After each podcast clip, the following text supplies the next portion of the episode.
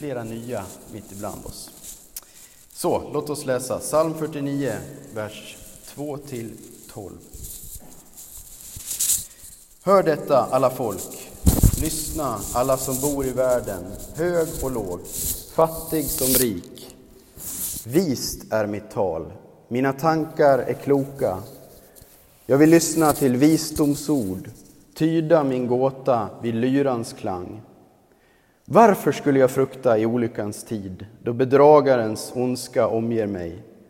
De litar till sina ägodelar och skryter med sin rikedom, men ingen kan köpa sig fri och betala lösen till Gud. Att köpa sig fri är dyrt. Man kan aldrig betala priset för att få leva evigt och inte läggas i graven. Man ser att de visa dör, men dåren och narren går bort och lämnar sin egendom åt andra. Graven blir deras hem för evigt, deras boning för alla tider, fast de haft jordagods i sin ägo. Amen. Det är dagens text och temat Rik inför Gud. Den här salmen är en del av den israeliska vishetstraditionen och den påminner ganska mycket om predikarens budskap i Gamla testamentet också, både till text och form. Men den är riktad inte bara till Israels folk utan till alla människor i alla tider, hög som låg, som han säger, fattig som rik. Författaren talar vishet som gäller för dig och mig här och nu, i vår tid.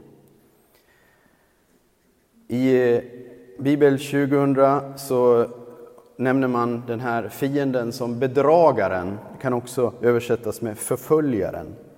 Att vara förföljd av någon, att vara bedragen av någon. Och frågan är, vem bedrar dig och mig? Som är rik kanske? Ja, det kan ju vara någon person som är ens fiende, som faktiskt har mycket pengar. Som eh, är ute efter en och använder sina vänner och kontakter för att sätta åt den. Det kan ju vara så. Vi möter många i kaféet som kanske upplever att socialen och staten är deras fiende, den mäktiga som har alla pengar som man vill ha, men man får dem inte. Kronofogden är bedragaren, eller de höga skatterna om man är mer borgerligt sinnad kanske, som tar mina pengar, som bedrar mig. Men jag tror att de flesta av oss har en annan situation och det handlar om någonting annat. Det handlar om den här subtila förföljelsen i våra sinnen, där vi jämför oss med varandra. Vi hämtar kraft ur vårt ego vi behöver, som säger till oss att vi behöver mer än vad vi har. Ja, men grannens barn har ju så fina märkeskläder, ska inte mina få ha lika bra? Vårt kök är ju så gammalt. När vi besökte Anderssons, de hade ju så fantastiskt kök. Vi måste ju renovera om vårt. Vi har ju bara en Passat. Svenssons har ju en Mercedes. Ska vi vara sämre? Och så håller vi på att jämföra oss och vill ha mer. Och det här tror jag är bedragarens röst. Bibeln kallar honom för djävulen som ofta använder ord av avundsjuka. Titta på andra, hur de har det. Och om vi spelar med i det här jämförelsens och besvikelsens spel så bedrar vi faktiskt oss själva. Det behövs inte längre någon fiende, någon utanför oss, utan vi, i vårt sinne, i våra tankar bedrar vi oss själva. Vi börjar rikta vår tanke, vårt öga till det skapade, till rikedomen. Det kommer upp här, vers 7. De litade till sina ägodelar, de skröt om sin rikedom. Bedrägeriet. Mitt karaktärssvaga jag läser ibland eh, Expressen och Aftonbladet. Och ni vet alla vad som står där.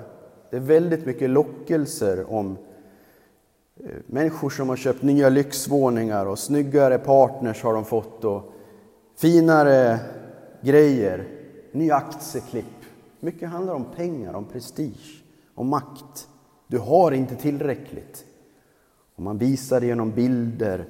Det går rakt in i våra sinnen ibland. För pengarna styr världen. Det vet alla som ska annonsera och marknadsföra.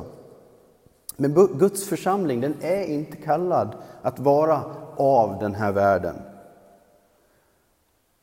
Vi har suttit med budget, templets budget den här veckan.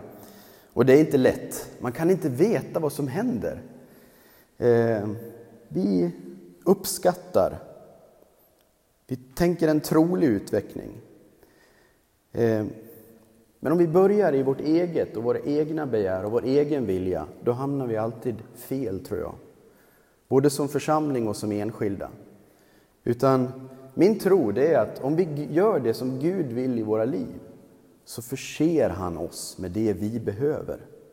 Vi börjar med att lyssna till honom och det som är rätt och rättfärdigt, så kommer han att ge oss det vi behöver.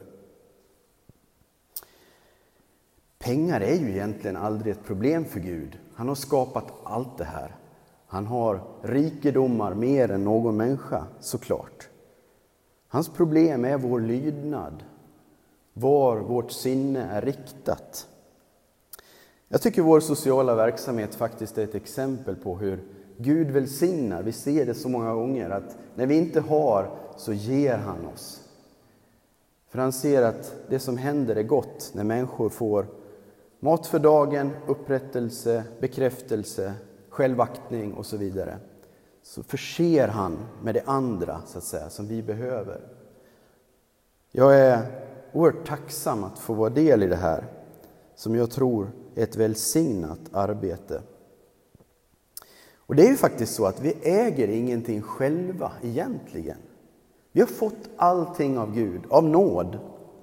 Vi kan inte köpa någonting av verkligt, evigt värde i vår egen, med vår egen plånbok. Så här står det i vers 8, 9, 10 som vi läste. Ingen kan köpa sig fri och betala lösen till Gud. Att köpa sig fri är dyrt. Man kan aldrig betala priset för att få e leva evigt och inte läggas i graven. Pengar kan möjligtvis räcka till lite bättre vård. Lite snabbare kanske man kommer förbi några köer. Kanske också lite plastikoperation så man ser lite yngre ut. Eh, vissa hoppas också på vetenskapen, att maskiner ska liksom ta över förbrukade organ så att vi ska kunna leva längre. Allt det här för att liksom försöka leva så mycket som möjligt, att ha det så bra som möjligt, här och nu i den här världen. Men ingen kan köpa evigt liv. Det är bara Gud som kan hjälpa dig med den saken. Och Det står så här i Romarbrevet 3, vers 23-24.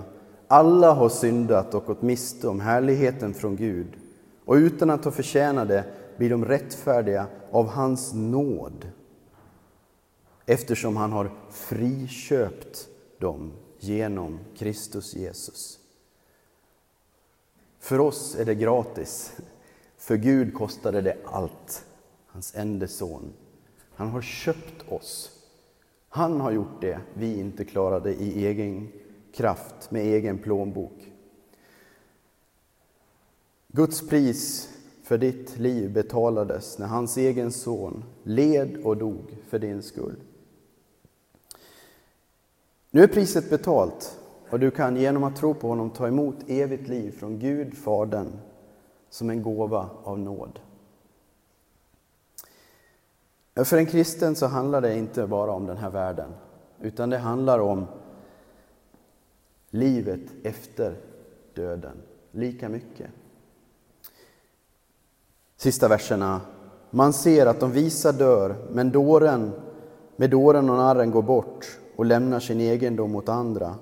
Graven blir deras hem för evigt, deras boning för alla tider, fast de haft jordagods i sin ägo. Alltså alla drabbas av döden, hög som låg, fattig som rik. Inför döden, inför vår ändlighet, så är vi alla precis lika. Vi har lika mycket egendom när vi står där ensamma. En del av det vi pratar om i kyrkan kanske du tycker är lite konstigt och ja, så här. Men det här angår dig. Det här angår alla människor. I alla tider.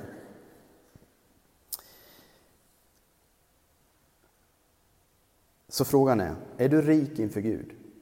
Eller har du strävat efter att vara rik inför människor istället? Har du jämfört dig med människor eller ordat tacksamhet för det du har inför Gud? Har du givit av det du fått eller har du behållit det för dig själv? Det är de frågorna som kommer att ställas till dig en dag, tror jag. Jesus talar om det på flera ställen.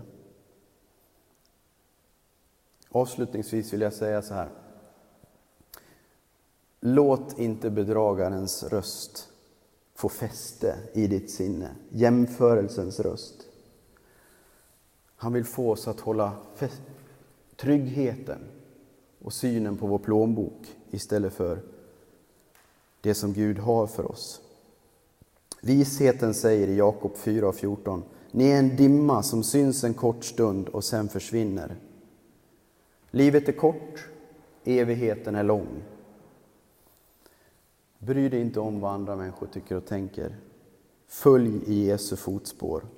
För vad hjälper en människa om hon vinner hela världen men får betala med sitt eget liv?